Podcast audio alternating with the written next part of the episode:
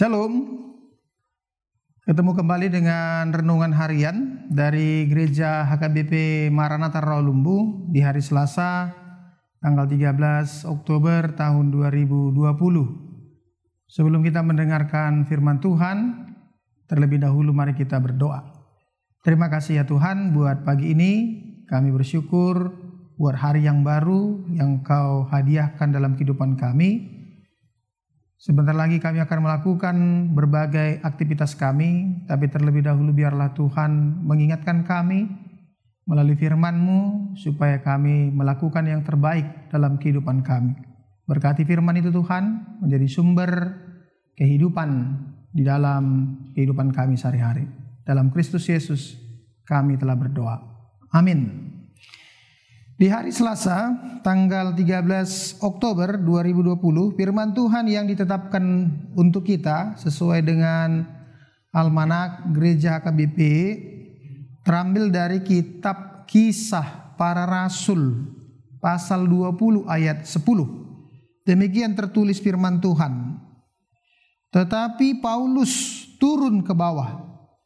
Ia merebahkan diri ke atas orang muda itu mendekapnya dan berkata, "Jangan ribut, sebab ia masih hidup."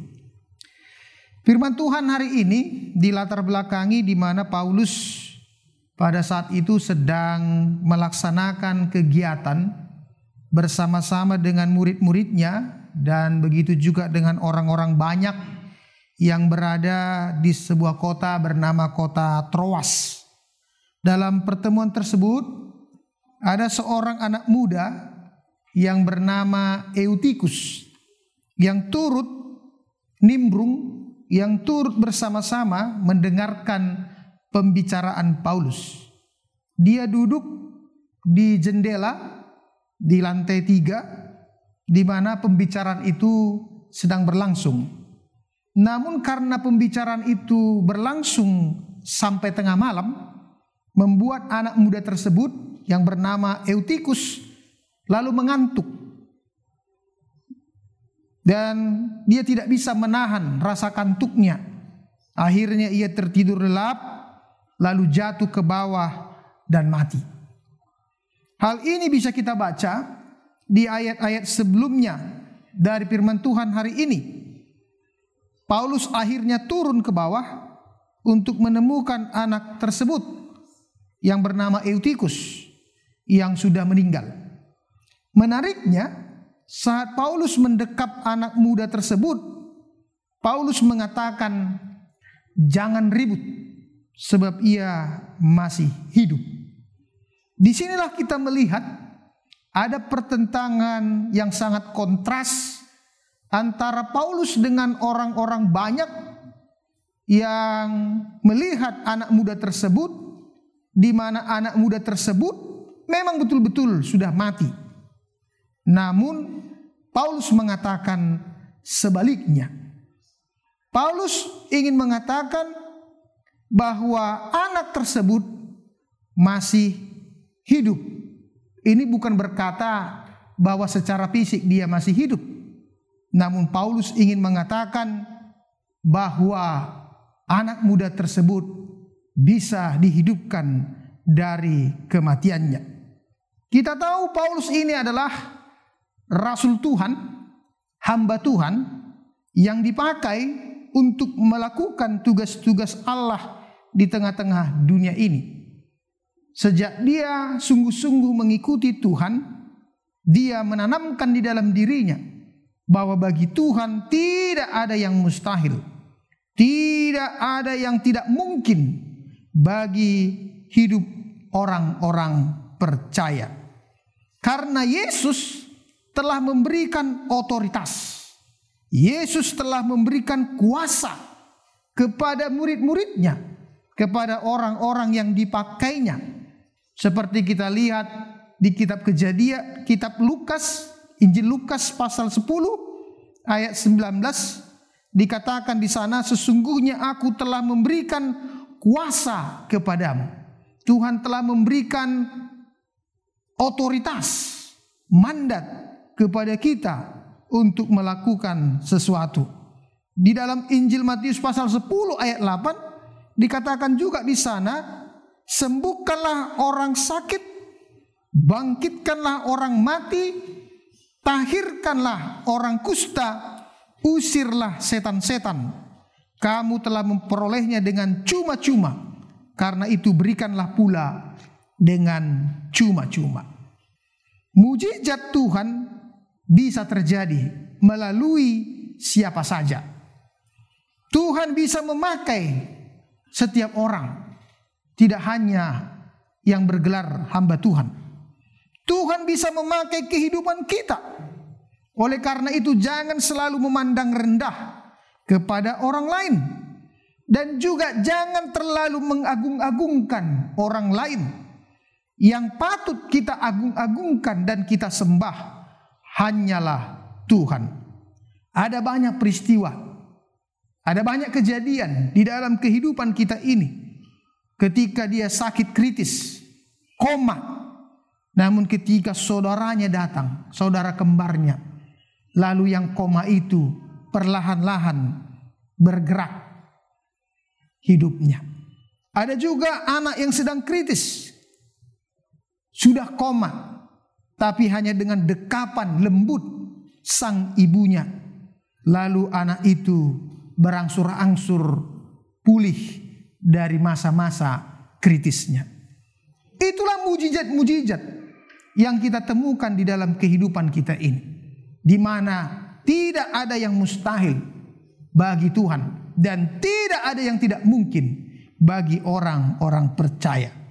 Saudara-saudara, apakah mujizat itu ada di zaman sekarang ini, zaman yang semakin maju, Zaman yang semakin mengandalkan rasionalitas, bahkan mungkin sudah pragmatis.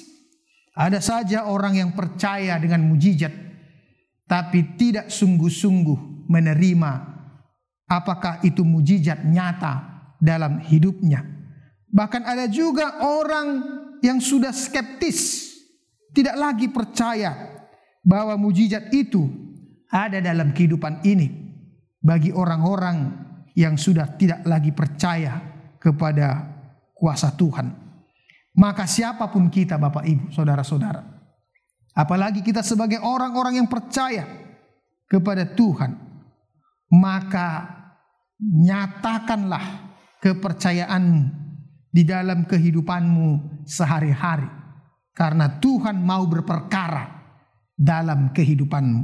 Yang kedua, mujizat itu selalu nyata dalam kehidupan kita.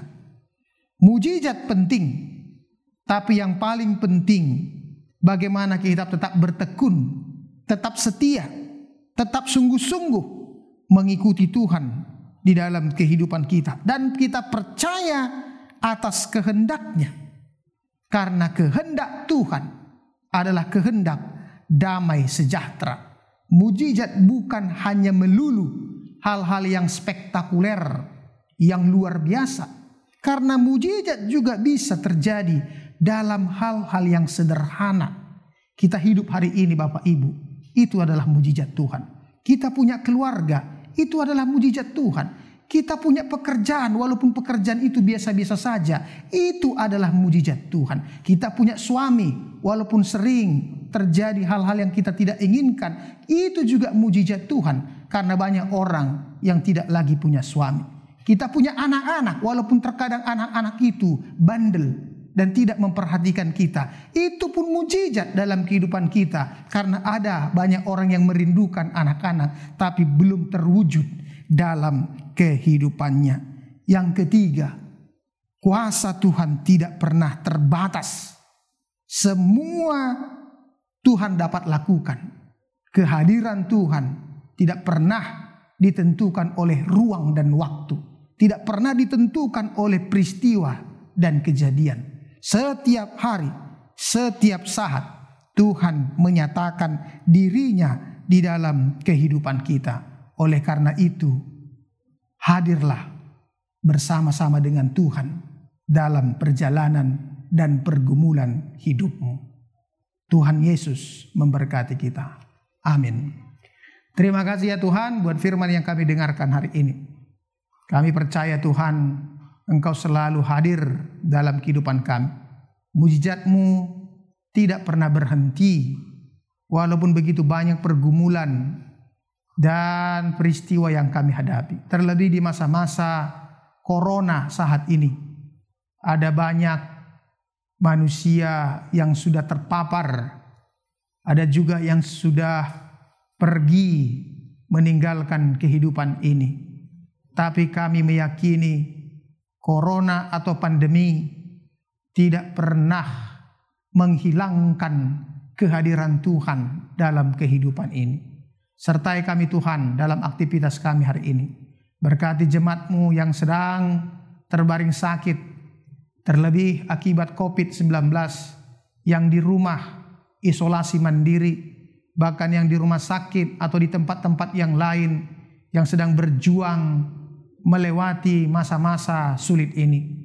Tuhan mampukan mereka untuk terus percaya dan sungguh-sungguh meyakini akan rancangan damai sejahtera Tuhan dalam kehidupan mereka.